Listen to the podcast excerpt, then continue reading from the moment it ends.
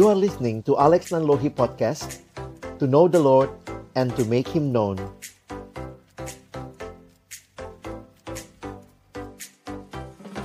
Baik teman-teman yang dikasihi Tuhan Mengawali pembinaan kita hari ini Mari kita berdoa. Bapa di dalam surga kami datang dalam ucapan syukur Karena kami boleh melihat kebaikan Tuhan Secara khusus di kampus di mana Tuhan hadirkan kami Tuhan masih memberikan kesempatan Kami boleh terlibat menjadi orang-orang yang mengerjakan visi Allah bagi pelayanan mahasiswa di kampus kami. Kami akan membuka firman-Mu ya Tuhan. Kami mohon bukalah juga hati kami. Jadikanlah hati kami seperti tanah yang baik. Supaya ketika benih firman Tuhan ditaburkan boleh sungguh-sungguh berakar, bertumbuh, dan juga berbuah nyata di dalam kehidupan kami. Berkati baik hambamu yang menyampaikan firman, setiap kami yang mendengar, dan juga interaksi di antara kami. Tuhan tolonglah agar kami bukan hanya jadi pendengar-pendengar firman yang setia, tapi mampukan dengan kuasa dari rohmu yang kudus, kami dimampukan menjadi pelaku-pelaku firman-Mu di dalam hidup kami, di dalam masa muda kami. Bersabdalah ya Tuhan, kami umatmu sedia mendengarnya dalam satu nama yang kudus, nama yang berkuasa, nama Tuhan kami Yesus Kristus kami menyerahkan pemberitaan firman-Mu. Amin. Iya, teman-teman, saya bersyukur kepada Tuhan buat kesempatan yang diberikan untuk men-sharingkan ya eh, kepada kalian bagian firman hari ini. Boleh saya di-allow buat share screen? Saya coba share uh, materi kita hari ini. Kita judulnya adalah peran gembala ya.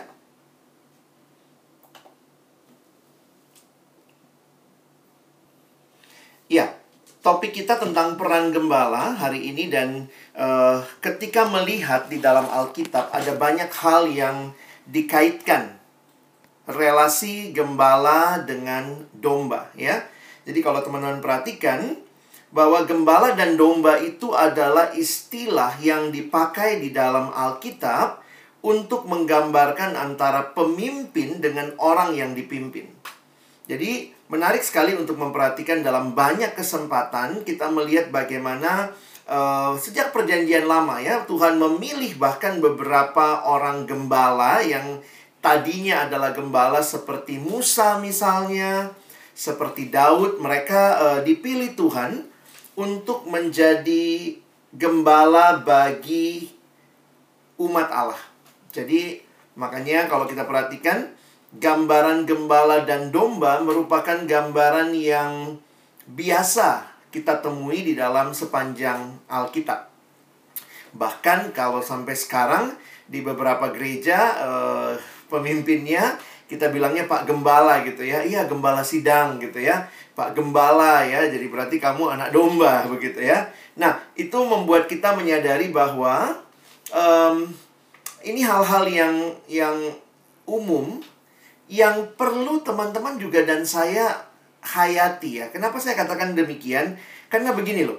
Bahwa sering kali karena kita ini bukan orang-orang yang hidup di dalam uh, situasi penggembalaan, kita sekarang ini pekerjaannya ada nggak yang gembala begitu ya? Nggak ada kan? Uh, kita perlu menghayatinya melalui uh, belajar kayaknya ya bagaimana gembala dan domba. Nah, waktu Abang pertama kali belajar tentang hubungan gembala dan domba, kesimpulan saya sih begini ya, kayaknya kita perlu deh pelihara domba ya di di PMK di kampus, di pelayanan, di gereja kali ya untuk menghayati rel, apa relasi antara gembala sama domba. Jadi salah satunya misalnya domba itu ternyata hewan yang sangat kuat berdiri. Jadi kalau kita baca Mazmur 23 Nanti teman-teman bisa menghayati itu waktu membaca Mazmur itu uh, Daud berkata Tuhan adalah gembalaku. Oh bagi saya ini luar biasa. Karena Daud sendiri sebenarnya adalah seorang gembala. Tetapi ketika dia melihat Tuhan dalam hidupnya, dia kemudian merelasikan seperti apa yang menjadi hubungan dia dengan domba-domba yang dia layani atau yang dia gembalakan. Makanya Daud mengatakan Tuhan adalah gembalaku. Nah, waktu saya pelajari tentang domba, teman-teman, domba itu ternyata hewan yang sangat kuat berdiri. Nah, ini uh, punya kekuatan ya. Lalu yang menarik domba ini sebenarnya hanya mau berbaring kalau cukup makan. Jadi domba beda sama anjing ya Yang kalau kita lihat misalnya anjing Kita kitik-kitik dikit Langsung dia pasrah sempurna Begitulah kalau anjing ya. Kalau domba nggak begitu.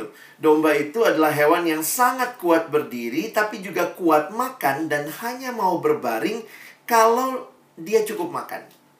Jadi waktu menghayati seperti itu Wow Apalagi kan dia makannya banyak ya Sehingga memang menarik sekali Domba sama gembala ini jadi relasi yang uh, sangat membutuhkan. Domba itu sangat butuh gembala. Kenapa? Ada masalah lagi nih. Karena domba itu hewan yang rabun. Ya, dia rabun, dia hanya bisa lihat kira-kira satu meter di depannya. Jadi karena itu di dalam uh, kebiasaan pada waktu itu, gembala itu yang harus mencarikan padang rumput buat domba. Jadi domba itu hewan yang sangat bergantung sama gembala. Jadi gambarannya kalau kalian lihat dia rabun, dia nggak bisa cari makan sendiri, harus gembala yang menemani. Lalu juga domba ini banyak musuhnya, ya. Musuhnya tuh serigala, singa gitu ya. Yang karena mungkin enak gitu ya, sehingga domba ini hewan yang juga unik teman-teman ya. Dia dia uh, banyak musuhnya yang datang menyerang begitu sehingga memang dia sangat membutuhkan gembala. Bayangkan dengan rabunnya dia yang nggak bisa memproteksi dirinya sendiri. Jadi bagi saya gambaran ini sangat sangat unik begitu dan kita mungkin nggak paham itu waktu kita tidak pernah pelihara domba gitu ya. Sehingga kalau kalian misalnya membaca ada kalimat uh, di Mazmur 23. Tuhan adalah gembalaku. Lalu di bawahnya ia membaringkan aku di padang yang berumput hijau. Berarti sampai baring, berarti sudah cukup makan. Tapi bukan hanya membaringkan biasa gitu ya, tapi dia membaringkan di padang yang berumput hijau. Jangan lupa, domba kuat makan, jadi kalau dia makan, makan, makan, nah padang rumputnya gundul gitu ya. Tetapi ini gambarannya adalah dibaringkan bahkan di atas padang rumput yang hijau. Yang kapan saja dia butuh makan lagi, dia bangun, masih hijau rumputnya. Jadi memang e, banyak gambaran di Alkitab yang mungkin sulit kita mengerti karena kita tidak hidup dalam konteks budaya dan pekerjaan mereka. Sementara gembala dan domba ini sepanjang Alkitab berbicara tentang relasi antara pemimpin dengan orang yang dipimpin.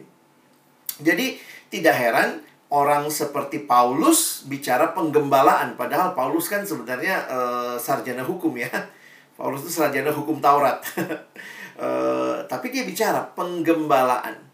Uh, seperti tukang Tuhan Yesus juga. Tuhan Yesus memperkenalkan diri akulah gembala yang baik. Jadi padahal Tuhan Tuhan Yesus kan juga tukang kayu begitu ya. Nanti kalian ketemu lagi Petrus misalnya. Petrus itu kan nelayan ya tapi dia juga bicara tentang gembala. Menggembalakan. Jadi bagi abang ya, ini menarik nih. Mungkin uh, makanya saran praktis saya pelihara domba ya.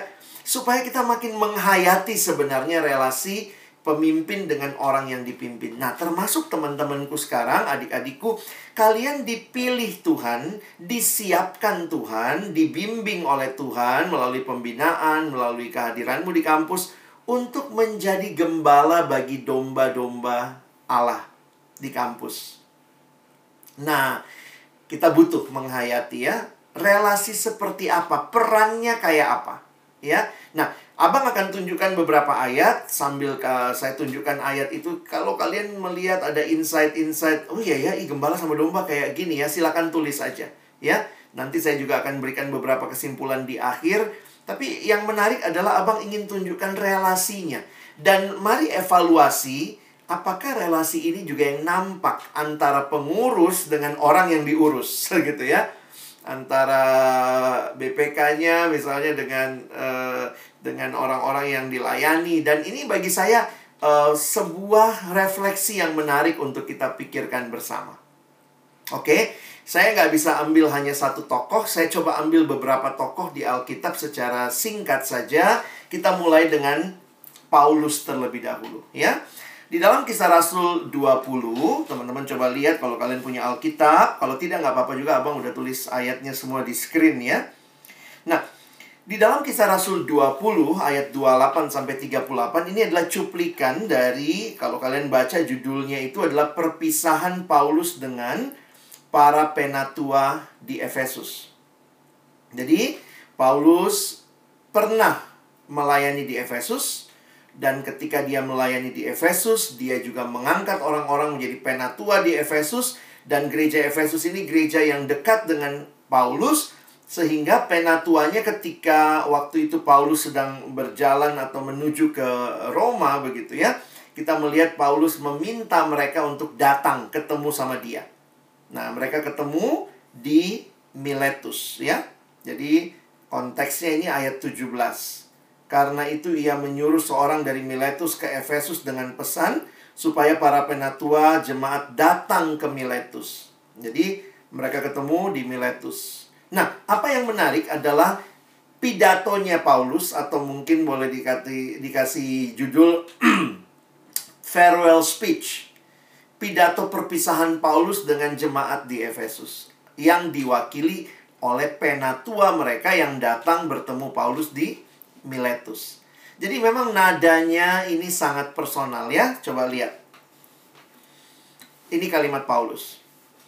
Karena itu, jagalah dirimu dan jagalah seluruh kawanan karena kamulah yang ditetapkan Roh Kudus menjadi penilik untuk menggembalakan jemaat Allah yang diperolehnya dengan darah anaknya sendiri. Nah, itu Abang bilang ya. Paulus pun menggunakan istilah gembalakan menggembalakan. Padahal Paulus sebenarnya profesinya bukan gembala ya, tapi dia bicara itu. Aku tahu ayat 29, aku tahu bahwa sesudah aku pergi serigala-serigala yang ganas akan masuk ke tengah-tengah kamu dan tidak akan menyayangkan kawanan itu. Bahkan dari antara kamu sendiri akan muncul beberapa orang yang dengan ajaran palsu mereka berusaha menarik murid-murid dari jalan yang benar dan supaya mengikut mereka. Sebab itu berjaga-jagalah dan ingatlah bahwa aku tiga tahun lamanya siang malam dengan tiada berhenti-hentinya menasehati kamu masing-masing dengan mencucurkan air mata. Jadi coba bayangkan ya, tugas gembala itu apa? Lalu Paulus bilang berjaga-jaga, ingatlah, lalu dia refleksi nih tugas pelayanan nostalgia pelayanannya. Aku tiga tahun lamanya siang malam tiada henti-hentinya menasehati kamu masing-masing dengan mencucurkan air mata. Dan sekarang aku menyerahkan kamu kepada Tuhan dan kepada firman kasih karunia-Nya yang berkuasa membangun kamu dan menganugerahkan kepada kamu bagian yang ditentukan bagi semua orang yang telah dikuduskannya. Perak atau emas atau pakaian tidak pernah aku ingini dari siapa pun juga kamu sendiri tahu bahwa dengan tanganku sendiri aku telah bekerja untuk memenuhi keperluanku dan kawan-kawan seperjalananku. Dalam segala sesuatu telah kuberikan contoh kepada kamu bahwa dengan bekerja demikian kita harus membantu orang-orang yang lemah dan harus mengingat perkataan Tuhan Yesus sebab ia sendiri telah mengatakan adalah lebih berbahagia memberi daripada menerima. Nah, jadi teman-teman waktu membaca bagian ini, kalian bisa membayangkan ya, kedekatan antara Paulus dengan jemaat.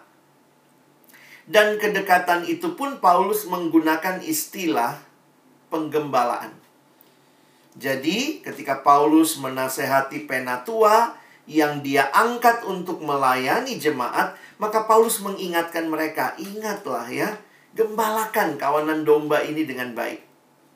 Ada, ada kalimat yang menarik tadi ya, kalau coba lihat lagi. Uh, oh, sorry ya. Ah, ini ayat 36 ya, sorry abang belum baca ya. Setelah mengucapkan kata-kata itu, Paulus berlutut dan berdoa bersama-sama dengan mereka semua. Maka menangislah mereka semua terseduh-seduh sambil memeluk Paulus. Mereka berulang-ulang mencium dia. Mereka sangat berduka cita, terlebih-lebih karena ia katakan bahwa mereka tidak akan melihat mukanya lagi. Lalu mereka mengantar dia ke kapal. Jadi ingat ini yang tadi abang bilang, ini pidato perpisahan Paulus karena dia sedang menuju ke Roma pada waktu itu. Dan di situasi seperti ini, dia meminta para penatua untuk benar-benar memelihara, menggembalakan kawanan domba milik Allah. Nah, apa yang menarik untuk kita perhatikan? Nah, coba lihat ya. Dari ayat-ayat yang kita baca tadi, beberapa hal muncul dalam benak saya. Pertama, bahwa penggembalaan itu sangat penting. Ya. Dan orang yang digembalakan itu, perhatikan, kalau kalian perhatikan ayat 28 ini, kamulah yang ditetapkan Roh Kudus menjadi penilik untuk mengembalakan jemaat Allah yang diperolehnya dengan darah anaknya sendiri. Yang pertama dulu nih, teman-teman ingat baik-baik bahwa kita jadi orang-orang yang ditetapkan oleh Roh Kudus menjadi penilik. Tentu nggak ada dari kita yang layak ya nggak ada dari kita satupun yang layak sebenarnya melayani Tuhan. Banyak yang takut. Oh kita takut gitu ya. Nanti gimana nih? Kalau saya melayani sementara mungkin juga teman-teman punya uh, aktivitas yang lain punya kerinduan yang lain. Tapi ma apakah kita meyakini ya? Saya harap kalian dalam pergumulan pribadimu sampai kepada keyakinan memang ini kehendak Tuhan bagimu. Roh Kudus menetapkan ini bukan sekadar karena kamu dikontak tim regenerasi, tim reknya kontak-kontak terus, ayo deh, jangan lupa deh, ayo jadi pengurus. Tapi adalah pergumulan karena kamu di hadapan Tuhan berkata, Tuhan terima kasih. Aku telah dilayani, aku telah bertumbuh dan aku rindu Tuhan. Di dalam ketidaksempurnaanku, di dalam ketakutanku. Pakai aku untuk menjadi gembala bagi domba-dombamu yang akan menolong kamu sebenarnya ketika melayani punya pergumulan, punya ketakutan adalah ketika kamu yakin bahwa Allah yang menetapkan kamu. Tim regenerasi, pembinaan-pembinaan ini dipakai Tuhan meneguhkan. Tetapi harus kamu dengan Tuhan yang akhirnya di dalam anugerah Tuhan kamu berkata, "Terima kasih Tuhan, aku siap melayanimu." Jadi buat teman-teman yang mungkin masih takut, masih bergumul, ya namanya kita melayani Tuhan ya. Ini bukan hal yang sekadar satu kali kita kita yakin dan seterusnya. Tapi saya pikir juga Tuhan melalui perjalanan kamu melayani, Tuhan memberikan keteku, kekuatan, ketekunan, dan bahkan uh, keberanian ya untuk kita menghadapinya. Nah, yang kedua, jadi yang pertama meyakini ini adalah pekerjaan Allah, kamu ditetapkan oleh Tuhan sendiri melalui rohnya yang kudus. Yang kedua adalah me menolong saya menghargai jemaat. Teman-teman coba lihat ayat 28 ini. Dituliskan menggembalakan jemaat Allah. Jemaat Allah yang bagaimana? Paulus kasih gambaran yang menarik sekali. Jemaat Allah yang diperolehnya dengan darah anaknya sendiri. Teman-teman seberapa berharga jemaat yang kita layani? Seharga darah Kristus. Waktu saya pertama kali melayani sebagai pemimpin kelompok kecil, ayat ini yang jadi ayat emas yang saya renungkan. Dalam satu PA di kampus ketika itu, ayat ini seperti Tuhan berbicara. Saya pilih kamu, saya tetapkan kamu, kamu jadi pengurus, jadi jadi PKK waktu itu. Jemaat ini sangat berharga dan harganya adalah darah anakku sendiri. Nah teman-teman sebenarnya kan kita semua ini juga domba ya. Jadi kita kan nggak nggak ini juga ya nggak ada yang sebenarnya lebih dari yang lain. Kita ini semua jemaat kok. Kita ini semuanya domba. Gembala agung tuh cuma Yesus. Tapi dari sebagian domba-domba yang sudah lebih dulu dibina, Tuhan mengangkat beberapa dari kita. Tuhan menetapkan beberapa dari kita jadi gembala bagi kawanan domba yang lain. Seberapa berharga diri kita? Ya seharga darah Kristus. Seberapa berharga domba-domba yang lain seharga darah Kristus. Karena itu teman-teman hal yang ketiga mengenai penggembalaan jangan main-main deh. Jangan sekedar apa ya? jangan sekedar main pelayanan-pelayanan gitu ya. Oh ya dah kamu ketua-ketuaan ya, kamu pengurus seksi-seksi acaraan. Ini adalah serius di hadapan Tuhan. Dan penggembalaan tugas ini menjadi bagian yang penting. Pertama, Roh Kudus menetapkan. Yang kedua, berharga sekali jemaat domba-domba yang Tuhan tebus dengan harganya darah anaknya sendiri. Karena itu yang ketiga, saya dan saudara mari menggembalakan dengan serius kawanan domba milik Allah. Jadi, waktu saya merenungkan hal seperti ini ya, iya ya, betapa pentingnya domba punya gembala.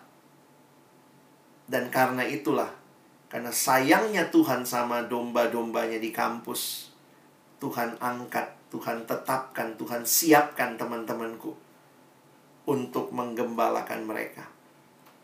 Ada situasi yang terjadi kalau kita lihat di dalam ayat 29 dikatakan memang ada serigala-serigala. Jadi Paulus tuh pakai gambaran domba tuh kan lawannya serigala, tapi dia kemudian mengatakan karena ada serigala-serigala yang ganas akan masuk ke tengah-tengah kamu dan tidak akan menyayangkan kawanan itu. Nah, siapakah itu? Apa sih yang menjadi tantangannya? Nah, ayat 30 sebenarnya. Serigala-serigala itu adalah orang-orang pengajar-pengajar, guru-guru yang palsu, pengajar sesat.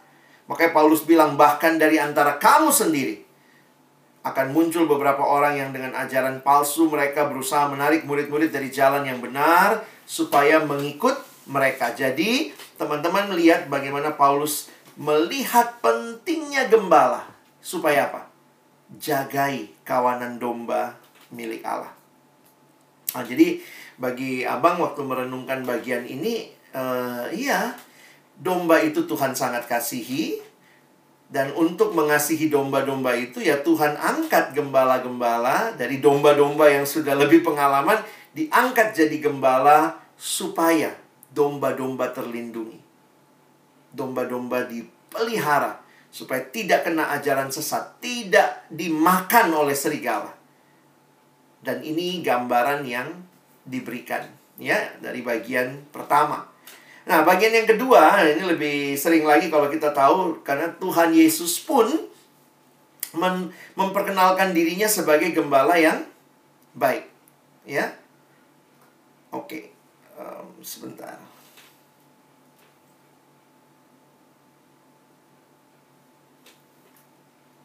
Ya, Tuhan Yesus memperkenalkan dirinya sebagai gembala yang baik.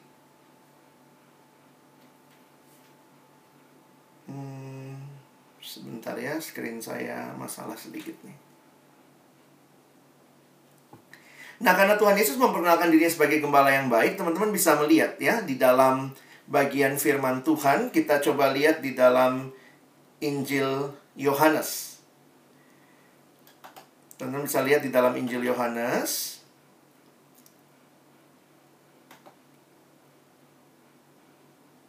Oke, oke, sebentar. Semoga sudah kelihatan lagi ya. Abang mulai dari Injil Matius dulu lah, karena kita ikutin slide-nya dulu ya. Di dalam Injil Matius, ketika Tuhan Yesus melayani dan dituliskan dia melihat orang banyak, dikatakan hatinya tergerak oleh belas kasihan kepada mereka karena mereka lelah dan terlantar seperti domba yang tidak bergembala. Jadi kalau kalian perhatikan, gambaran ini menarik nih. Domba tidak bergembala.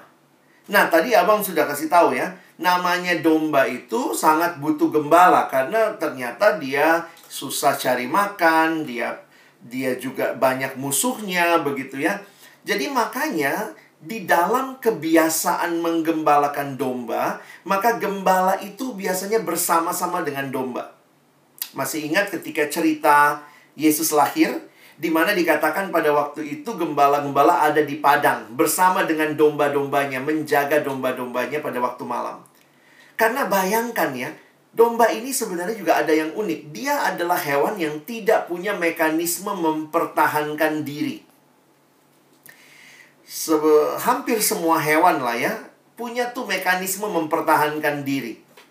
Contoh, uh, semut aja kecil-kecil gitu kalau ini ngegigit gitu ya. Anjing gonggong, uh, kucing cakar begitu ya, landak uh, naik uh, durinya. Tapi domba ini nih nggak punya mekanisme mempertahankan diri. Makanya coba kita lihat ada satu pengalaman di dalam kitab 1 Samuel ya. Kitab 1 Samuel pasal yang ke-17 kita bisa lihat sebentar ya.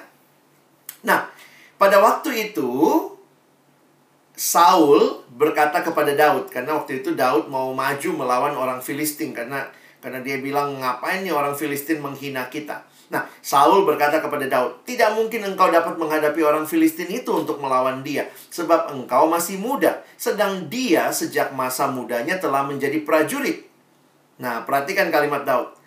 Tetapi Daud berkata kepada Saul, "Hambamu ini biasa menggembalakan kambing domba ayahnya. Apabila datang singa atau beruang yang menerkam seekor domba dari kawanannya, maka aku mengejarnya, menghajarnya, dan melepaskan domba itu dari mulutnya. Kemudian apabila ia berdiri menyerang aku, maka aku menangkap janggutnya, lalu menghajarnya dan membunuhnya. Baik singa ataupun beruang telah dihajar oleh hambamu ini. Dan orang Filistin yang tidak bersunat itu ia akan sama seperti salah satu daripada binatang itu karena ia telah mencemooh barisan daripada Allah yang hidup. Nah, teman-teman, Abang mau fokusnya bukan Daud lawan Goliatnya ya, tapi perhatikan bagaimana Daud men-sharingkan hidupnya sebagai gembala. Coba lihat. Waktu datang singa atau beruang yang menerkam domba dari kawanannya, perhatikan siapa yang aktif. Dombanya ngapain? Perhatikan ayat 35. Maka aku mengejarnya, yang ngejar gembalanya, menghajarnya, melepaskan kawanan domba dari mulutnya. Apabila berdiri menyerang, aku menangkap janggutnya, menghajarnya, lalu membunuhnya. Dombanya ngapain? Nah inilah domba gak punya mekanisme mempertahankan diri. Dombanya, ya abang bilang mah pasrah sempurna ya. Saya membayangkan pada waktu itu dombanya, mungkin dia akan ngomong begini gitu. Om singa sakit gitu ya kegigit kali ya. Sakit om gitu ya. Tapi apa yang dia lakukan? Dia nggak bisa ngapa-ngapain. Jadi sebenarnya domba sangat-sangat butuh gembala. Beda sekali dengan hewan-hewan yang lain di mana hewan yang lain itu bisa survive sendiri. Tetapi menghayati domba dan gembala no. Sampai ada satu buku yang saya baca dia mengatakan begini Mungkin kamu pernah lihat hewan lain di foto sendirian. Wah, misalnya kita lihat uh, apa singa sendiri gitu ya. lihat uh, ikan hiu atau ikan ikan paus gitu ya. Itu menunjukkan wah, luar biasa. Tapi dia mengatakan begini. Kamu tidak mungkin menemukan foto domba seorang diri. Maksudnya dia begini ya tidak lazim lah kita lihat foto domba seorang diri.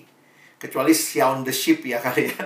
Jadi kita nggak nggak lazim itu karena dia mengatakan begini, setiap kali Alkitab memberikan gambaran domba, selalu ada gembalanya. Domba selalu ada gembalanya. Karena tanpa gembala, domba itu di ujung tanduk Makanya kalau kita lihat biasanya fotonya tuh gembala sama domba digendong dan seterusnya ya. Nah, jadi sebenarnya waktu Yesus lihat, ingat ya kalimatnya. Yesus lihat mereka lelah dan terlantar seperti domba yang tidak bergembala. Apa sih yang dimaksud? Saya menyimpulkan sederhana. Domba tidak bergembala, domba tanpa gembala itu sama dengan artinya binasa. Satu-satunya hewan yang sangat membutuhkan orang lain atau manusia lain adalah ini domba. Kayak Tuhan gitu ya, eh, namanya juga Tuhan ya. Tuhan tuh pas banget pilih ilustrasi. Tuhan bilang apa? Aku gembala, kamu domba. Tanpa aku, kata Tuhan, kamu nggak bisa berbuat apa-apa. Domba tanpa gembala ya nggak bisa ngapa-ngapain selalu di ujung tanduk karena makan aja carinya susah, hidupnya juga di, di diincar hewan lain, tidak punya mekanisme mempertahankan diri. Jadi makin saya belajar tentang domba dan gembala, saya makin sadar betapa domba yang survive itu sangat mengandalkan, sangat bergantung kepada gembala. Jadi coba refleksikan ya. Gimana ya kalau pengurus di kampus nggak becus ya? Gimana kalau gembala-gembala kampus ini nggak serius lakukan tugasnya ya? Ya jemaatnya tercerai berai gitu ya jemaatnya tidak hidup dalam Tuhan jemaatnya nggak dapat pembinaan yang baik jemaatnya ya mungkin pakai bahasa kita hari ini ya binasa gitu ya sangat menyedihkan jadi sekali lagi peran gembala ini coba kita hayati karena waktu teman-teman jadi pengurus apa pun bagianmu kita sebenarnya jadi gembala bagi orang yang kita layani Teladannya dari mana? Saya pikir sih ya kita bisa lihat tadi Paulus, kita bisa lihat nanti juga Petrus. Nah, saya mau ambil dulu Tuhan Yesus ya. Memang ini sangat luar biasa karena Tuhan Yesus adalah uh, Tuhan yang menciptakan kita, penebus kita juga dan dia memperkenalkan dirinya sebagai I am the good shepherd. Oke. Okay? Jadi kalau kalian lihat aku adalah gembala yang baik, Nah, ayat ini menarik. Di dalam Yohanes 10 ayat 10, perhatikan ya. Kita akan baca dua ayat, 10 dan 11. Nah, 10-nya bilang begini. Pencuri datang hanya untuk mencuri dan membunuh dan membinasakan. Aku datang, kata Yesus, supaya kamu mempunyai hidup dan mempunyainya dalam segala kelimpahan. Nah, kita seneng gitu ya, asik. Bagaimana kita bisa punya hidup dalam segala kelimpahan? Nah, sebenarnya jawabannya ada di ayat 11. Untuk engkau dan saya punya hidup yang berkelimpahan sebagai domba-domba yang sebenarnya sangat butuh kehidupan tapi tidak bisa survive sendiri, maka perhatikan ayat yang ke-11. Akulah gembala yang baik. Gembala yang baik memberikan nyawanya bagi domba-dombanya. Engkau dan saya bisa hidup hanya karena Kristus sudah menyerahkan diri. Ini gambaran yang menarik yang Tuhan Yesus berikan. Tentu teman-teman tidak bisa mati buat jemaatmu karena kita bukan juru selamat. Hanya Yesus yang kematiannya menyelamatkan setiap domba-dombanya. Tapi semangatnya yang saya rindu kita pelajari. Kalau kita jadi pengurus, kita jadi orang-orang yang melayani Tuhan di kampus, lalu kita sibuk dengan keegoisan kita. Kita tidak memberikan waktu, memberikan diri. Ya, ini bahkan mengorbankan diri ya. Bagi saya, ya jangan jangan mimpi lah ya jemaat bertumbuh kalau ternyata pengurus tidak sungguh-sungguh benar-benar memberikan yang terbaik seperti yang kita pelajari dari teladan Tuhan Yesus. Nah, teman-teman, di bagian yang lain, saya mau angkat yang terakhir ini ya, adalah Petrus. Bagi saya menarik juga ya, Petrus ini ya. Di satu Petrus pasal yang kelima, di masa tuanya, Petrus kemudian dia menasehatkan para penatua.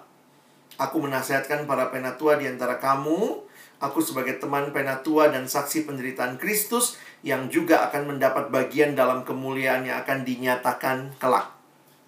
Bagi saya menarik. Petrus itu kan seorang nelayan ya, fisherman. Tapi kemudian dia bicara bahasa bahasa penggembalaan. Jadi uh, makanya ada satu buku menarik ditulis di judulnya From Fisherman to Shepherd. Jadi dari seorang uh, penjala ikan penjala manusia lah ya. Penjala penjala ikan jadi penjala manusia. Tapi ternyata di bagian akhir hidupnya Petrus tulis surat kepada jemaat dia pakai istilah ini. Tadi ayat 1 sekarang lihat ayat 2 nya ya.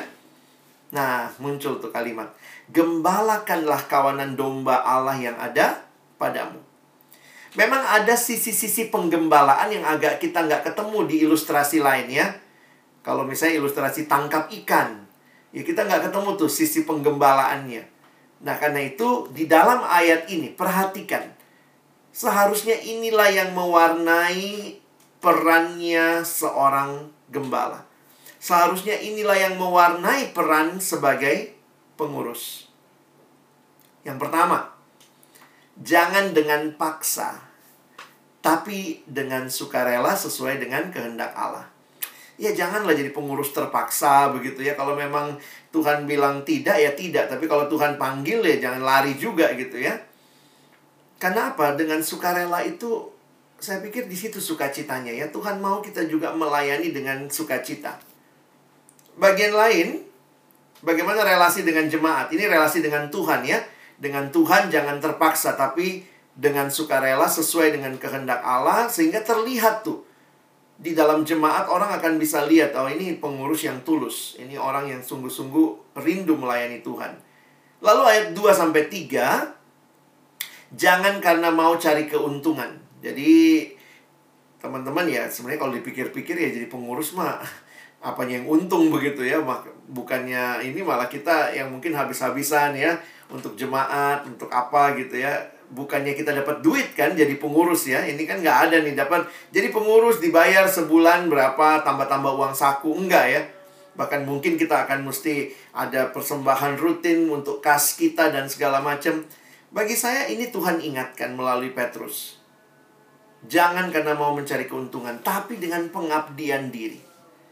Lalu lebih jauh lagi dikatakan, jangan kamu berbuat seolah-olah kamu mau memerintah atas mereka yang dipercayakan kepadamu.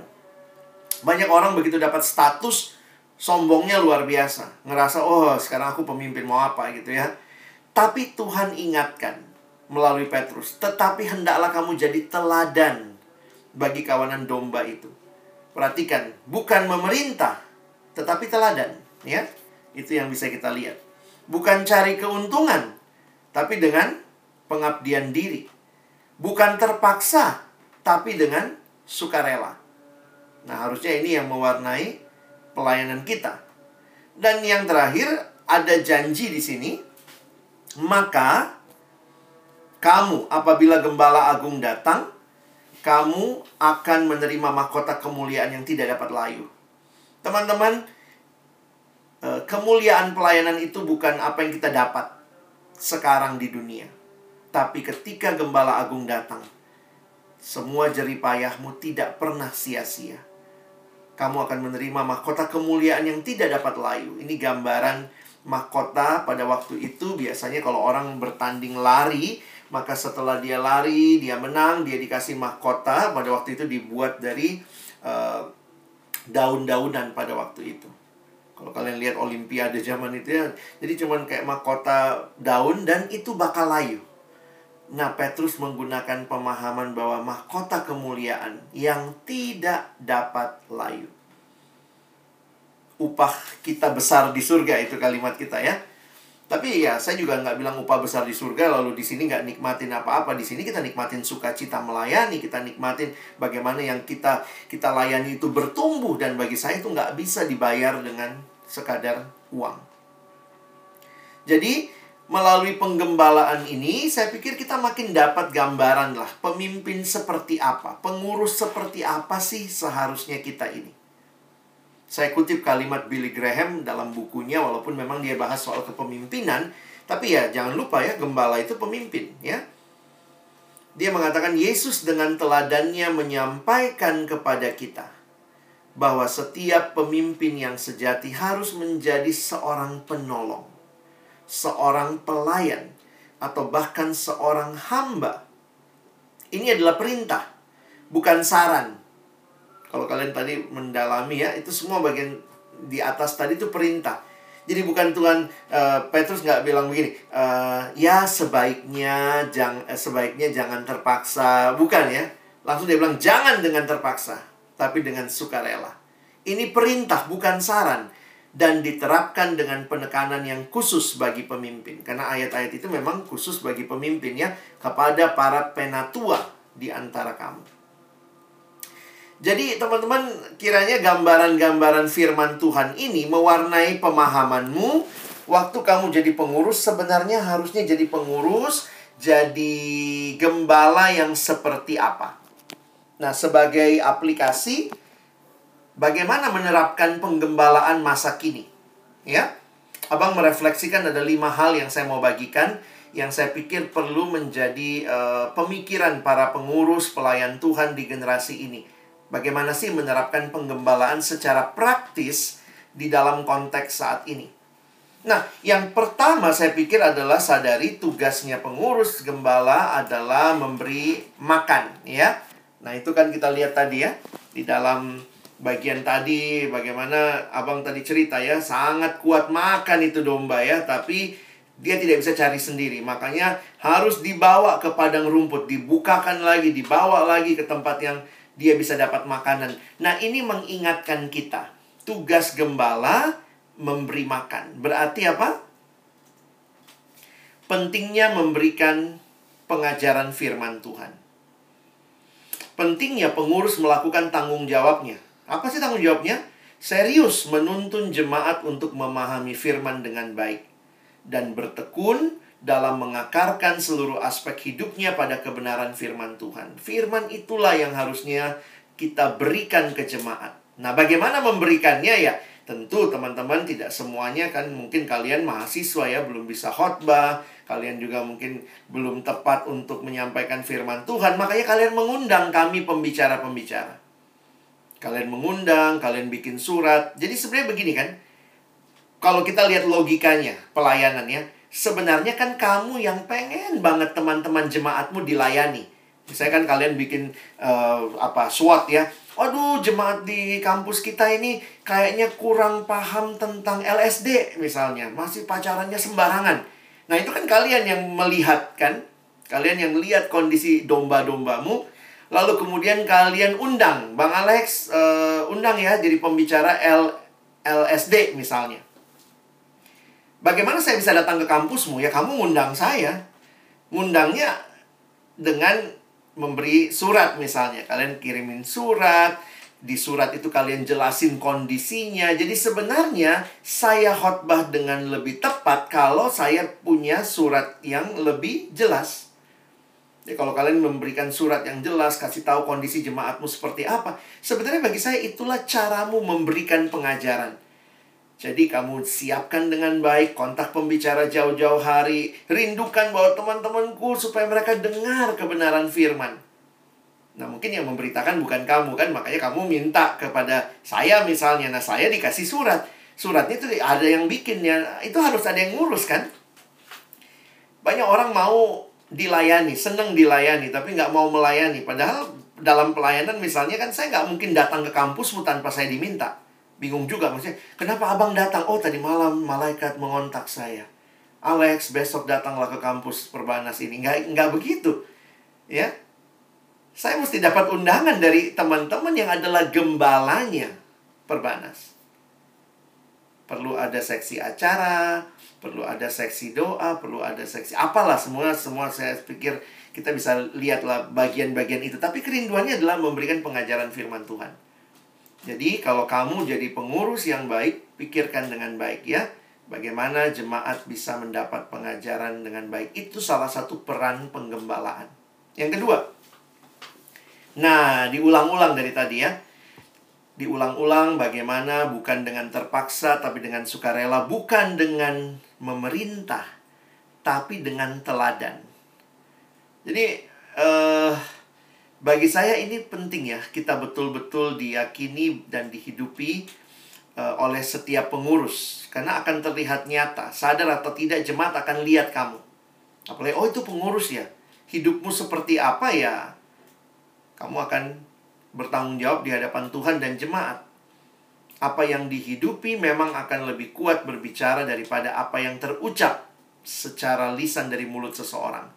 Gampang ngomongnya. Wah, jangan terlambat, hidup kudus, hidup benar. Tapi pertanyaannya, bagaimana hidupmu? Jadi, sembari kita melayani, kita pun menjaga hidup kita, kita jaga relasi kita dengan Tuhan, sebagai pengurus kita terbuka kalau dikoreksi ya. Ada yang bilang saya jangan begini dong. Kenapa itu nanti jadi batu sandungan buat jemaat? Itu saya pikir bagian dari penggembalaan. Penggembalaan bukan sekedar bicara apa yang kau lakukan buat orang lain. Tetapi apa yang kau lakukan buat dirimu sendiri di hadapan Tuhan berjuang hidup jadi teladan. Jadi hidupmu berbicara dengan kuat Selanjutnya, apalagi dalam relasi gembala dan domba yang bisa kita refleksikan sekarang, ya kembangkan kepekaan. Ya, saya pikir ya pasti yang namanya kepekaan ini seperti domba tahu kebutuhan, eh sorry, gembala tahu kebutuhan dombanya ya. Seorang pengurus perlu peka terhadap kondisi rohani dan pergumulan spesifik jemaat yang dilayani. Bukan sekadar terpaku pada apa yang sudah diprogramkan. Kadang-kadang kita suka lupa ya, yang penting kita pikir sudah bikin program selesai. Tapi mari kita sensitif. Semenarik sebenarnya tadi ya, kalau kalian lihat ada kalimat dalam uh, apa Paulus bilang ya kepada jemaat di Efesus tadi, uh, dia bilang kepada penatua di Miletus, Nah, ada kalimat bagi saya yang menarik. Coba kita balik sebentar ya. Sorry, saya kembali dulu. Sorry, agak cepat aja. Karena bagi abang, waktu perhatikan ayat ini menarik juga nih. Nah, kalimat ayat 31. Sebab itu berjaga-jagalah dan ingatlah bahwa aku tiga tahun lamanya gitu ya, siang dan malam, dengan tiada berhenti-hentinya menasehati kamu masing-masing. Ingat, teman-teman, kadang-kadang kita sebagai pengurus gitu ya, kita cuma sibuk sama program kita ya, tapi jangan lupa ya, sebenarnya penting juga tuh penggembalaan pribadi ke jemaat per jemaat. Dalam arti begini, namanya pengurus yang ngurusin jemaat. Kalau kita ngurusin berarti kita perlu tahu kondisi mereka. Kita perlu kembangkan kepekaan ada saatnya saya tulis, pengurus perlu memberi perhatian lebih banyak pada pergumulan-pergumulan pribadi jemaat pada waktu mereka mengalami krisis-krisis yang membahayakan kehidupan rohani mereka. Kadang kita pikir semua yang dibutuhkan jemaat saya sudah bikin jadi tema PJ, tema persekutuan Jumat, tema persekutuan jemaat. Bagaimana kalau ada yang punya kebutuhan lain yang tidak tertampung di PJ misalnya? Harusnya kan kita sebagai pengurus peka ya, ih kayaknya si ini butuh uh, butuh didoakan atau butuh apa gitu ya. Jadi sebenarnya ada hal-hal yang di luar struktur kepengurusan dan program yang harusnya kita kembangkan juga kepekaan ya. Itu saya pikir gembala sama domba seperti itu. Selanjutnya yang keempat, pemberdayaan. Jadi tentunya lah ya kita nggak mau kan domba terus jadi domba terus jadi domba dalam pengertian dia tetap jadi domba tapi harusnya dia pun bisa menjadi gembala satu waktu untuk menggembalakan orang lain. Nah, buktinya kalian ini kan, saya pikir banyak orang yang senangnya dibina. Begitu diminta melayani, aduh alasannya seribu macam. Aduh kak, saya begini, kak, saya begini, saya takut, saya takut. Iya sih, tapi kalau kemudian kita tidak belajar untuk berserah kepada Tuhan dan melayani, banyak orang senangnya dibina, dibina, dibina, lama-lama binasa, saya bilang gitu ya. Belajar melayani, belajar memberdayakan. Jadi seorang pengurus perlu mengupayakan agar jemaat bisa bertumbuh dan waktu dia bertumbuh dalam memberi diri dalam bagi pelayanannya. Hal ini terutama untuk menolong yang mereka cenderung pasif sebenarnya. Jadi saya berharap tahun depan ada pengurus baru lagi. Dari mana itu? Ya dari kalian yang tahun ini melayani mereka, memberikan pertumbuhan bagi mereka sehingga tahun depan mereka bisa siap melayani domba harus dibangun, di diberdayakan ya. Bukan diperdaya ya, tapi diberdayakan. Dan terakhir. Nah, saya pikir ini yang tidak bisa tidak. Ada banyak keterbatasan untuk bisa menolong, mengarahkan, dan menuntun hidup orang lain. Kalau tadi kan kita harus begini, harus teladan hidup segala macam. Tapi kemudian abang ingatkan, doa ini jadi bagian penting. Walaupun saya taruh di nomor yang kelima, bukan berarti ini nggak penting. Di dalam kesadaran inilah maka seorang pengurus perlu setia untuk datang kepada Tuhan untuk memohon pertolongannya agar Sang Gembala Agung sendiri turut campur tangan dalam proses yang berlangsung. Karena itu ingatlah jadi pengurus yang berdoa. Dulu-dulu di zaman kami cari pengurus masih sedikit, masih susah ya. Dan, jadi dulu tuh persekutuan tuh simple banget lah uh, strukturnya. Cuma ketua, sekretaris bendahara, seksi acara, seksi pembinaan. Udah gitu doang gitu ya. Dulu nggak ada tuh seksi doa. Kenapa nggak ada seksi doa? Ya karena semua pengurus berdoa ya. Sekarang seolah-olah kamu seksi doa ya, mukamu tampang doa. Kau, eh, kau doa aja lah ya, kami yang bagian tampil-tampilnya, kau bagian doa. Tapi Bagi saya sebenarnya semua kita sedang melayani jemaat Tuhan, kita berdoa. Teman-teman kita nggak bisa setiap hari sama jemaat. Kita nggak bisa setiap hari lindungi mereka dari semua yang jahat. Tapi setiap hari kita bisa berdoa kepada Gembala Agung yang dalam anugerahnya akan menggembalakan mereka. Makanya saya suka bilang sama pengurus, pengurus-pengurus baru, Dek, jadi pengurus itu berarti list doamu bertambah. Di dalamnya sekarang kau mulai mendoakan jemaat-jemaat. Karena bukti kamu mengasihi mereka, bukti kamu melayani mereka, bukan cuma kegiatan, bukan cuma program. Oh, saya bikinin PJ, saya buatin ini tapi ketika di dalam doa kamu menyebut mereka, kamu berserah kepada Tuhan. Nah, kiranya uh, ini beberapa hal yang bisa saya pikirkan ya sebagai pengurus peranmu sebagai gembala. Yang tadi Abang bilang ya mulai dari yang pertama bahwa berikan mereka firman Tuhan. Ya, ajari mereka dengan kebenaran. Jadi hidup yang menjadi teladan bagi mereka, miliki kepekaan dan juga berdayakan supaya orang juga bisa terlibat melayani.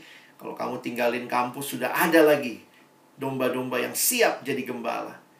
Dan pada akhirnya juga walaupun ditaruh paling akhir tapi doa menjadi bagian penting dalam pelayanan kita. Nah, kiranya hal ini menolong teman-teman siap melayani di pelayanan ini. Kalau masih ada yang bergumul, silakan terus bergumul minta Tuhan mantapkan hatimu untuk melayani Tuhan dan juga jemaatnya, domba-dombanya.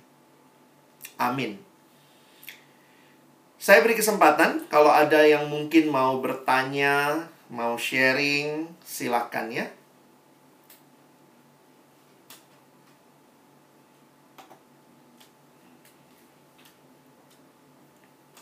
Silakan Stefani.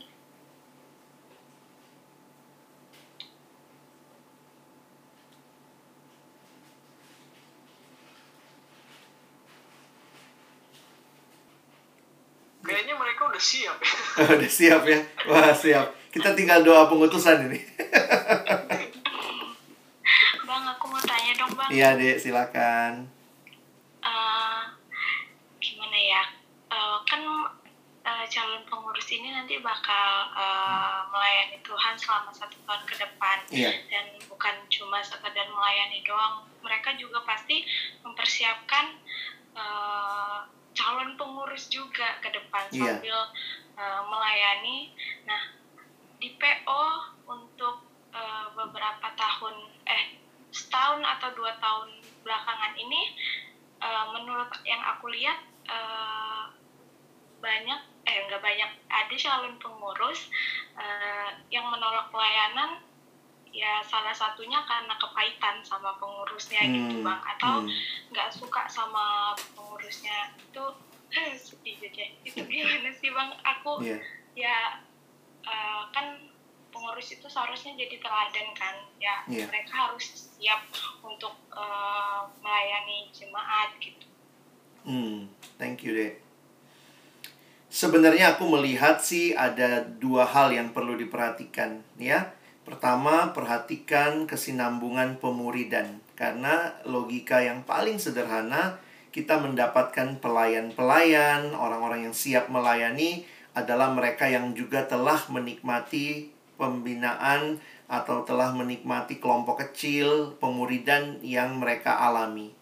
Jadi uh, di banyak kampus ketika juga mungkin uh, sulit gitu ya orang untuk memberi diri melayani, saya suka bilang bagaimana pemuridannya. Itu diperjuangkan atau tidak. Karena pemuridan itu lebih panjang dampaknya. Kalau kamu jadi pengurus kamu tanda kutip bertanggung jawab untuk satu generasi. Tapi kalau kamu jadi pemimpin kelompok kecil gitu ya eh, bagi saya itu kamu bertanggung jawab ke beberapa generasi bahkan. Bahkan itu memastikan bahwa terus ada orang yang melanjutkan Nah, itu yang pertama ya, pastikan pemuridan juga terus diperjuangkan di kampus. Lalu yang kedua, tentu setiap orang butuh apa ya, pengalaman pertumbuhan. Nah, jujur tadi kalau dengar cerita Yolanda uh, itu kaitannya menarik ya bahwa orang melihat kok nggak jadi teladan begitu. Sebenarnya kenapa saya bilang pemuridan? Kalau dia orang yang dimuridkan dengan baik, sebenarnya kan dia harusnya pun ditolong untuk melihat bahwa ya setiap orang sedang dalam pertumbuhan. Belum ada dari kita yang sempurna. Jadi kalau saya sih nasihatnya biasanya orang-orang yang kepahitan itu ya jangan kita jauhi juga. Ya, kita belajar untuk merangkul mereka. Mungkin orang-orang yang tepat yang bisa merangkul mereka, silahkan rangkul mereka. Tapi di sisi lain dengar juga jangan-jangan memang masukan yang mereka berikan itu sesuatu yang uh, benar ya. Tidak semua yang mereka berikan masukan kadang-kadang juga kan terlalu menghakimi kadang ya. Begitu lihat langsung eh kok begini banget gini. Nah, jadi uh, belajarlah memilah dan memilih juga ya masukan dari atau uh, evaluasi dari jemaat. Jadi bagi saya gini, jemaatnya harus bertumbuh supaya dia tidak kepahitan. Karena bagi bagi saya begini ya banyak orang yang kepahitan lalu tinggalin persekutuan. Datang aja udah nggak mau. Nah itu yang sedih kan? Berarti kan dia pun tidak makin bertumbuh lalu juga kita yang mungkin di persekutuan karena lihat dia nggak datang tuh kan ah bisanya ngomong aja. Padahal yang dia omongin bener jangan-jangan yang dia omongin bener jangan kita pun harus koreksi diri. Jadi saya pikir sama-sama lah ya belajar bertumbuh tapi kita sebagai pengurus juga uh, makanya itu yang abang bilang tadi ya kadang-kadang yang lebih dilihat itu hidup kita sih. Apa yang kita omongin itu orang akan akan nunggu gini, hmm, saya pengen lihat deh hidup dia. Nah, tentu ya dalam anugerah Tuhan kita minta ya supaya Tuhan tolong kita juga kita kan nggak ada yang sempurna juga. Jadi sama-sama bertumbuh. Saya pikir kuncinya itu sama-sama bertumbuh baik sebagai pengurus, jadi teladan maupun yang lain. Thank you, Dek. Ada lagi?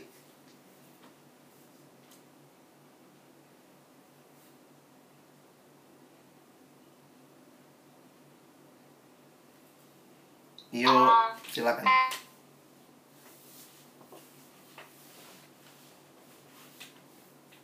Membuat mereka menjadi calon pengurus. Nah, setelah dari kita tim regen juga kan mereka yang calon pengurus putus-putus deh.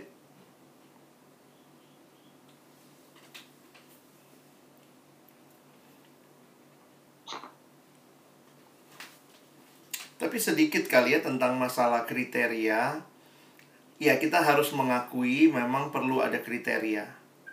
Tapi balik lagi, kadang-kadang kriteria ini uh, dengan orang yang tersedia di lapangan tidak pas jadi bagaimana kalau ternyata ada orang yang uh, siap melayani tapi mungkin sebenarnya kriterianya jauh dari yang kita tetapkan. Mungkin ya, saya nebak-nebaknya pertanyaannya bisa begitu sih. Pengalaman saya begini. Makanya tadi Abang selalu tekankan masalah pemuridan. Di situasi yang tidak ideal, jadi kan kita kriteria itu situasi ideal biasanya di situasi yang tidak ideal, pastikan pemuridan. Itu aja selalu aku bilangnya. Jadi misalnya begini. Kalaupun misalnya orang ini saya izinkan atau saya minta walaupun secara kriteria kayaknya agak di bawah dari yang harusnya, maka yang memastikan dia melayani dengan baik itu waktu dia tetap didampingi sambil dia melayani. Nah, itu bisa macam-macam bentuknya. Ada KTB pengurus kah yang sama-sama jadi dia akhirnya bukan cuma melayani, tapi dia juga bertumbuh waktu dia melayani. KTB pengurus mungkin, atau dia tetap kelompok kecilnya jalan sama pemimpin kelompoknya. Jadi itu adalah satu upaya untuk dia melayani, tetapi dia juga akhirnya terus bertumbuh. Kalau saya lihat, uh, jadi karena banyak banyak memang situasi kampus sekarang lagi nggak ideal. Kita cari yang begini, begini, begini. Aduh, nggak ada yang seperti itu misalnya. Nah, makanya uh, balik lagi ya, ketika orang merasa aduh aku nggak layak, aku nggak apa nah aku aku pikir setiap setiap kita yang punya ketakutan, ketidaklayakan uh, bisa aja kamu bilang gini, aku takut Bang untuk jadi pengurus, tapi aku mau asal dibimbing misalnya gitu ya. Jadi sebenarnya kita juga memberi diri buat teman-teman yang baru yang mungkin merasa juga nggak sempurna atau apa ya, kita memberi diri untuk dibimbing. Jadi uh, itu kesempatan bagi saya untuk kita pun menikmati pertumbuhan waktu kita sedang melayani. Karena kondisinya lagi nggak ideal. Begitu kali ya.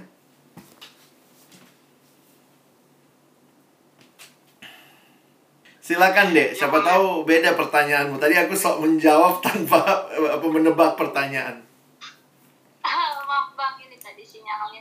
ah itu bang, uh, intinya yang aku mau tanyain, harus gak sih uh, nanti pengurus kita itu kan dia gembala, tapi harus gak dia juga menjadi PKK gitu? Oh, oke. Okay. Soalnya sebagian dari mereka kan ada yang belum lewat tahap PA gitu di di kelompok kecilnya jadi gimana menurut abang? Hmm.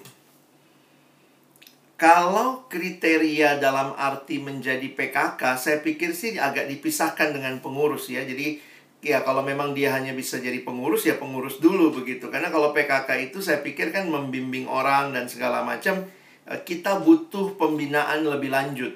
Jadi kita butuh juga uh, Nah ini balik lagi nih, apakah kondisi ideal apalagi nggak ideal di kampusmu? Kalian yang paling tahu lah. Misalnya saya ke satu kampus lalu kemudian melihat uh, ini anak-anaknya nggak ada yang siap jadi PKK kalau begini terus misalnya. Maka kita mengizinkan beberapa orang yang kayaknya punya kerinduan yang dalam, punya paling nggak apa ya mungkin skillnya belum punya tapi uh, dia punya basicnya lah ya bahwa dia punya kerinduan dia punya kemampuan dasar, lalu kemudian dia dijadikan PKK sambil dia dipimpin. Jadi saya selalu lihat itu solusinya. Dalam kondisi tidak ideal, kalau ada orang yang paling tidak tentu ya pertobatannya jelas. Bagi saya itu yang paling penting. Pertobatannya jelas, punya kerinduan bertumbuh, walaupun dia belum bisa ini, belum bisa itu, maka itu sesuatu yang bisa ditambahkan kemudian sambil dia memimpin ke bawah, dia pun dipimpin dari atas. Jadi nggak tahu nih kalau teman-teman lihat misalnya uh, belum siap jadi PKK ya bisa juga jangan dulu begitu. Bisa juga. Tapi kan tetap mesti ada yang di kelompok kecil kan misalnya di kampus. Nah kalian bagaimana? Apakah kalian cari dari kampus lain atau kalian terbuka untuk turun lagi buat kakak-kakak yang sudah punya satu kelompok turun lagi pegang atau kalian meminta beberapa orang yang kelihatannya serius tapi dibimbing Nah, itu bisa berbagai cara. Kalian yang mesti lihat dalam kepekaan. Nah, abang ngalamin kayak begitu sebenarnya. Saya ini uh, sempat dalam kondisi nggak ideal. Sebenarnya bukan nggak ideal juga, sebenarnya ideal-ideal nggak jelas sih waktu itu. Saya sudah dilayani waktu siswa. Saya sudah dilayani waktu siswa. Jadi waktu saya masuk ke kampus, uh, ya saya waktu masuk ke kampus memang saya bilang gitu, saya nggak mau kelompok kecil dasar, saya mau kelompok kecil lanjutan ya, agak songong juga ya. Saya minta kelompok kecil yang lebih lanjut. Nah, waktu itu dicarikanlah saya PKK untuk lebih lanjut gitu. Nah, semester depannya, tahun depannya butuh PKK. Jadi saya itu cuma dibina satu tahun, tahun depannya langsung membina lagi adik-adik kelas. Adik angkatan. Nah, cuma waktu itu saya tetap dibimbing. Jadi saya seminggu dua kali kelompok kecil. Satu kelompok kecil ke bawah yang saya pimpin, satunya kelompok kecil ke atas yang saya dipimpin. Itu mingguan jalan. Nah, jadi ternyata itu jadi cara Tuhan juga menolong kekurangan pemimpin kelompok di kampus kami karena waktu itu sebenarnya masalah di kampus kami itu kurang pemimpin cowok. Karena saya fisik itu banyak sekali perempuan. Jadi waktu itu pemimpin cowok kurang yang mau ikut kelompok ada beberapa, maka saya ditawarkan. Saya waktu itu opsi terakhir.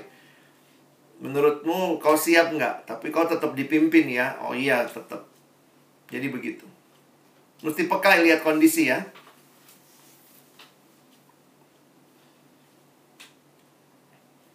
Makasih, Bang. Sama-sama. Halo, ini panggilnya siapa? Michael atau Welly? Biasa dipanggil Welly, Bang. Oke. Okay. Ya, gimana, Well? Ya. Uh, aku sebelumnya udah jadi calon pengurus, Bang. Emang udah selesai di kampus uh, mungkin juga uh, bisa bantu pada calon pengurus dan juga calon BPK uh, di mungkin satu tahun ke depan akan pasti banyak uh, tantangan yang bakal mereka hadapi. Hmm.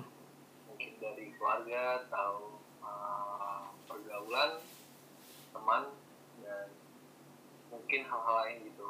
Mungkin karena jatuh lagi dalam dosa yang sama gitu. Yang aku mau tanyakan bang uh, bagaimana sih uh, calon pengurus dan calon BPK ini uh, tetap mau gitu mau komitmen di tengah-tengah tantangan yang mereka hadapi satu tahun hmm. ke depan. Itu aja oke okay. makasih well. Ya pergumulan pelayanan itu bagi saya memang unik ya. Maksudnya satu sisi real sekali bahwa kita juga ya teman-teman juga sadar kan di kampus kalian juga mahasiswa di rumah kalian seorang anak di persekutuan PO kalian pengurus. Jadi sebenarnya banyak hal yang ada di sekitar kita dan itu real menjadi tantangan pergaulan. Nah memang kalau menurut saya sih ya Eh, kenapa kita selalu membukakan visi misi sebenarnya untuk menegaskan apa sih yang kita lagi kerjakan ini kalau kita nggak jelas kita lagi ngapain kita nggak jelas kita perannya apa hari ini kita belajar peran gembala maka gampang sekali kita ya merasa ya sudahlah ngapain gitu ya e, banyak orang yang katanya memulai dengan baik tetapi sedikit yang bertahan sampai akhir dengan baik jadi saya pikir memang ini satu tahun yang akan jadi pergumulan buat teman-teman. Tapi di dalamnya saya meyakini ya, saya meyakini begini. Tuhan kasih Roh Kudus memimpin kita, Roh Kudus diam di hati kita. Makanya tadi ya Roh Kudus yang menetapkan bagi saya itu penting tuh relasi sama Tuhan ya. Lalu Tuhan kasih juga kita firman. Kalau kalian terus baca firman Tuhan, merenungkan itu menjadi relasi pribadimu ya saat teduh doa bukan basa-basi tapi kebutuhan hidupmu sebagai seorang pelayan Tuhan. Dan Tuhan juga kasih komunitas yang ketiga. Komunitas ya tentunya teman-teman, abang kakak, penilik yang mungkin masih bersama-sama, bisa ada pemimpin kelompok kecil. Jadi bagi saya bagaimana bertahan dalam situasi hidup yang sulit, pergumulan yang mungkin ada ke depan, mari uh, nikmati tiga hal yang sudah Tuhan kasih. Dia kasih dirinya, yaitu pribadi Allah Roh Kudus yang memimpin kita. Dia kasih firman yang menjadi pelita bagi kaki kita. Dia kasih komunitas. Jadi kalau kita nikmati itu, ya saya pikir ini akan menjaga ya. Misalnya kalau kita mau mundur, terus ada teman yang ingetin gitu. Jadi makanya perlu juga nih ya, bukan cuma sama-sama melayani, tapi sama-sama berkomunitas, sama-sama bertumbuh. Jadi uh, abang nggak akan bilang, wah nanti kalian setahun ini nggak ada apa-apa yang terjadi ya. Mungkin banyak apa-apa, tapi kalau kalian tetap dalam firman, kalian tetap terbuka di ditegur, dikasih masukan dalam komunitas, saya pikir sih itu akan menolong kita bisa fokus kepada visi yang Tuhan berikan buat kita. Jadi itu kali ya well untuk meng, apa ya menjaga kita untuk berjalan bertahan setahun ke depan. Bahkan sebenarnya itu buat seluruh hidup kita ya. Karena teman-teman habis jadi pengurus nanti kan Kalian hidup dalam dunia. Kita hidup dalam dunia, kita nanti kerja, kita nanti mungkin berkeluarga. Dunia itu punya berbagai tawaran buat kita. Nah, ini sebenarnya latihannya ya. Bagaimana sepanjang setahun ini Tuhan menolong kamu fokus untuk melayani Tuhan, melayani jemaat Tuhan. Begitu.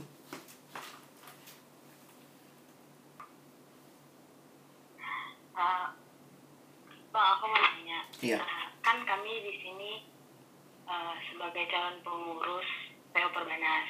Nah, kan kami terdiri dari banyak kepala. Yeah.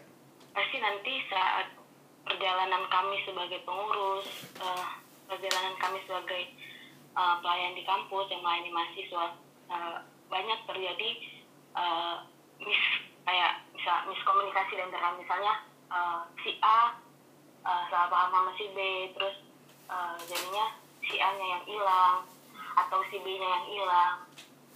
Uh, dan banyak lagi mungkin kayak kerikil-kerikil kecil yang menyertai perjalanan kepengurusan kami nanti. Uh, aku mau tanya uh, seandainya dari salah satu pengurus kami calon dari salah satu kami nanti yang menjadi pengurus uh, ada yang istilahnya hilang gitu bang istilahnya hilang karena uh, karena satu dan lain hal uh, apa yang harus kami lakukan sebagai teman di kepengurusannya uh, kayak langkah apa yang harus kami ambil biar kami nggak menyakiti hati dia dan dia mau balik lagi ke kami. Hmm. Thank you, Dek. Nah, ini pertanyaan yang bagus tapi susah dijawab ya.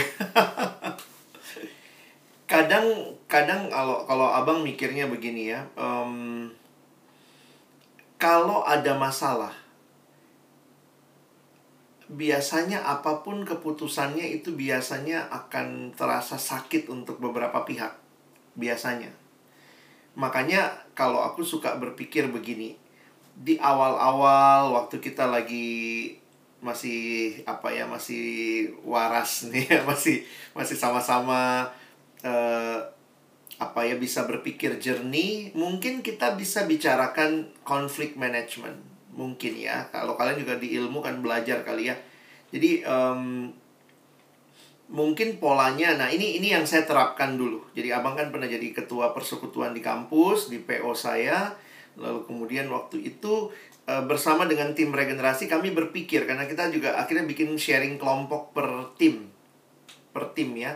Jadi waktu itu kita bilang begini apa yang saya suka dan apa yang saya nggak suka? Jadi kita tuh benar-benar ngomong gitu. Sebenarnya gue nggak terlalu suka ya kalau ditegur di depan umum misalnya. Saya tuh nggak suka kalau ini saya lebih senengnya begini. Nah terus waktu itu ada pertanyaan kalau nanti dalam perjalanan bersama ada masalah jadi kayak kita udah udah berpikir duluan, bukan bukan berarti kita ah yang penting ada masalah bukan ya. Tapi kalau nanti dalam perjalanan kepengurusan kita ada masalah atau saya bermasalah, saya memilihnya ditegur bagaimana? Nah, itu waktu itu ada tuh. Jadi istilahnya begini, kalau nanti terjadi dan ditegur dengan cara itu memang tetap sih deh yang kalau udah masalah tegur menegur tiba-tiba ada satu yang hilang pasti nggak enak. Tapi paling tidak di awal kita sudah sama-sama kayak menyepakati lah kira-kira nanti begini ya. Sehingga maksudnya kalau kita lakukan itu kita pun nggak ngerasa bersalah. Dan sebenarnya orang yang ditegur pun atau orang yang di diraih lagi ayolah. Karena dulu kamu mintanya diginiin kira-kira seperti itu Nah, tapi saya pikir ya di awal kita bisa bikin agreement kayak sama-sama gitu ya, kerinduan. Tapi waktu menjalaninya pun perlu peka sama Tuhan ya, kira-kira bagaimana. Karena saya pikir kan hidup manusia ini nggak ada tuh. Kita hanya berdasarkan satu teori saja namanya perjalanan tiap orang mungkin punya pergumulan. Saya ingat ada ada keluarga saya waktu itu ya. Ini suami istri nih. Jadi mereka juga sepakat gitu. Kalau berantem, waktu mereka udah punya anak ya. Kalau berantem nggak boleh berantem depan anak. Jadi itu mereka udah bikin waktu-waktu lagi nggak berantem. Jadi jangan bikinnya pas berantem ya. Kalau pas berantem bikin rulesnya malah saling menyakiti. Jadi mereka kalau lagi waras uh, nanti kalau kita berantem gimana? Ya kita udah punya anak nih kita nggak boleh berantem depan anak. Jadi polanya mereka adalah kalau itu selalu saling ingetin ini lagi mau berantem nih pergi mereka ke taman di taman itulah teriak-teriakan berdua gitu. Tapi poinnya adalah tidak lakukan itu di depan anak. Nah itu sebenarnya yang saya pikir itu yang kayak konflik management ya. Jadi di awal kita sudah bicarain. Nah tapi sebenarnya waktu menjalaninya pun pernah juga lah mereka teriak-teriak depan anak gitu kan nggak tahan misalnya ya. Tapi akhirnya uh, perlu perlu saling uh, itu kalau sudah kejadian deh itu perlu saling mengampuni saling memaafkan. Dan sebenarnya gini ya pastikan kalian punya komunitas yang yang kuat. Misalnya um, ya kan kalian cuma berempat, berlima gitu ya. Pastikanlah jadi sahabat doa. Misalnya minggu ini Stefani doain Yohanes ya, minggu depan kalau nanti misalnya pengurus itu ketemu setiap persekutuan doa itu gantian aja jadi sebagai pengurus inti kalian saling mendoakan. Karena bagi saya begini loh, hati orang tuh terpaut waktu kita saling berdoa. Jadi termasuk juga gini, kalau saya mendoakan Stefani misalnya, Stefani doain Yohanes, Yohanes doain siapa gitu ya. Itu setiap minggu paling tidak kita punya update apa sih yang terjadi sehingga istilahnya jangan sudah hilang baru kita ih kenapa hilang gitu. Jadi sebenarnya kita langkah-langkah yang saya pikir itu bukan waktu hilangnya karena kalau udah hilangnya tuh udah sakit biasanya. Tapi langkah-langkah yang supaya kalian bisa uh, ini ini ini kok jadi kayak konseling pernikahan ya. Kalau di pernikahan itu bilangnya begini perbanyak kaki meja. Teman-teman tahu ya, kaki meja itu jadi gini, sebenarnya meja itu makin banyak kakinya, makin kuat dia kan. Jadi misalnya ada meja empat kakinya, tambahin lagi lima, tambahin lagi enam. Jadi makin banyak kakinya, dipotong satu masih ada yang lain gitu. Nah di dalam pernikahan itu nasihatnya biasanya begini. Buatlah kebiasaan-kebiasaan yang selalu ada setiap hari. Jadi misalnya setiap bangun pagi misalnya doa sama terus misalnya waktu makan doa sama mau tidur peluk dulu. Nah, itu itu mesti dibiasakan tuh. Jadi perbanyak kaki mejanya, maksudnya kebiasaan-kebiasaan bersama. Dulu saya pikir buat apa itu ya? Nah, ternyata poinnya begini. Kalau lagi marahan, kalau lagi marahan kan doa sama pun nggak mau gitu ya. Peluk aja nggak mau, tapi karena sudah memang itu itu sudah kita biasakan. Waktu lagi marahan pun, ayo cepat doa gitu ya. Tapi tetap doa karena itu kebiasaan yang kita sudah buat. Nah, saya lagi pikir mungkin nasihat yang sama, apa yang kalian bisa lakukan sebagai kaki-kaki mejanya pengurus nih? Kita punya doa bersama seminggu sekali. Setiap minggu kita gantian partner doa. Jadi kamu tanya misalnya kalau kamu sama Yohanes, kamu tanya Yohanes apa pokok doamu? Atau Yohanes sama siapa tanya apa pokok doanya. Jadi sebenarnya itu sesuatu yang terus terjadi. Nah, jadi waktu nanti misalnya anak ini hilang atau apa, kita bilang kita memang lagi setiap minggu kan kita mesti saling berdoa gitu. Jadi kalaupun kita cari dia, bukan karena dia hilang, tapi karena kan kebiasaan kita kita mau doain kamu gitu loh. Jadi coba berpikir kreatif supaya ada kaki-kaki meja yang membuat kita tuh akan saling mencari, saling membutuhkan setiap hari. Atau setiap minggu lah kalau pengurus begitu ya. Jadi kadang-kadang banyak tindakan itu sesudah sudah berantem, satu sudah pergi baru, ayolah kita ajak doa dia. Yeah, mau ajak doa kalau orang udah pergi udah nggak enak dia datangnya gitu. Jadi persiapkan sebelumnya. Jadi kira-kira gitu deh ya. Tapi dalam anugerah Tuhan yakinilah bahwa kita ini teman-teman satu keluarga yang mau saling membangun begitu. Jadi itu itu dasar yang penting ya bang sama-sama deh ada lagi Bapa dalam surga, terima kasih buat pembinaan kami hari ini. Terima kasih untuk firman-Mu yang kembali mengingatkan kami tentang peran sebagai gembala.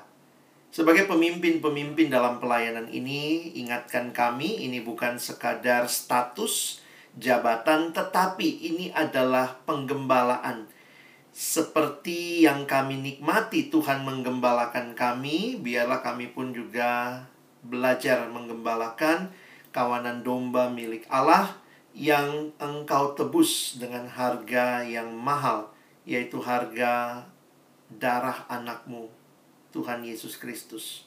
Sekali lagi hamba berdoa bagi adik-adikku di PO Perbanas, apa pun yang sekarang ini menjadi pergumulan mereka, Tuhan tolong dan mantapkan jika Tuhan panggil mereka, mereka boleh menjawab iya dan di dalamnya mereka bukan hanya meyakini di awal, tapi berjalan bersama Tuhan sepanjang kepengurusan ke depan.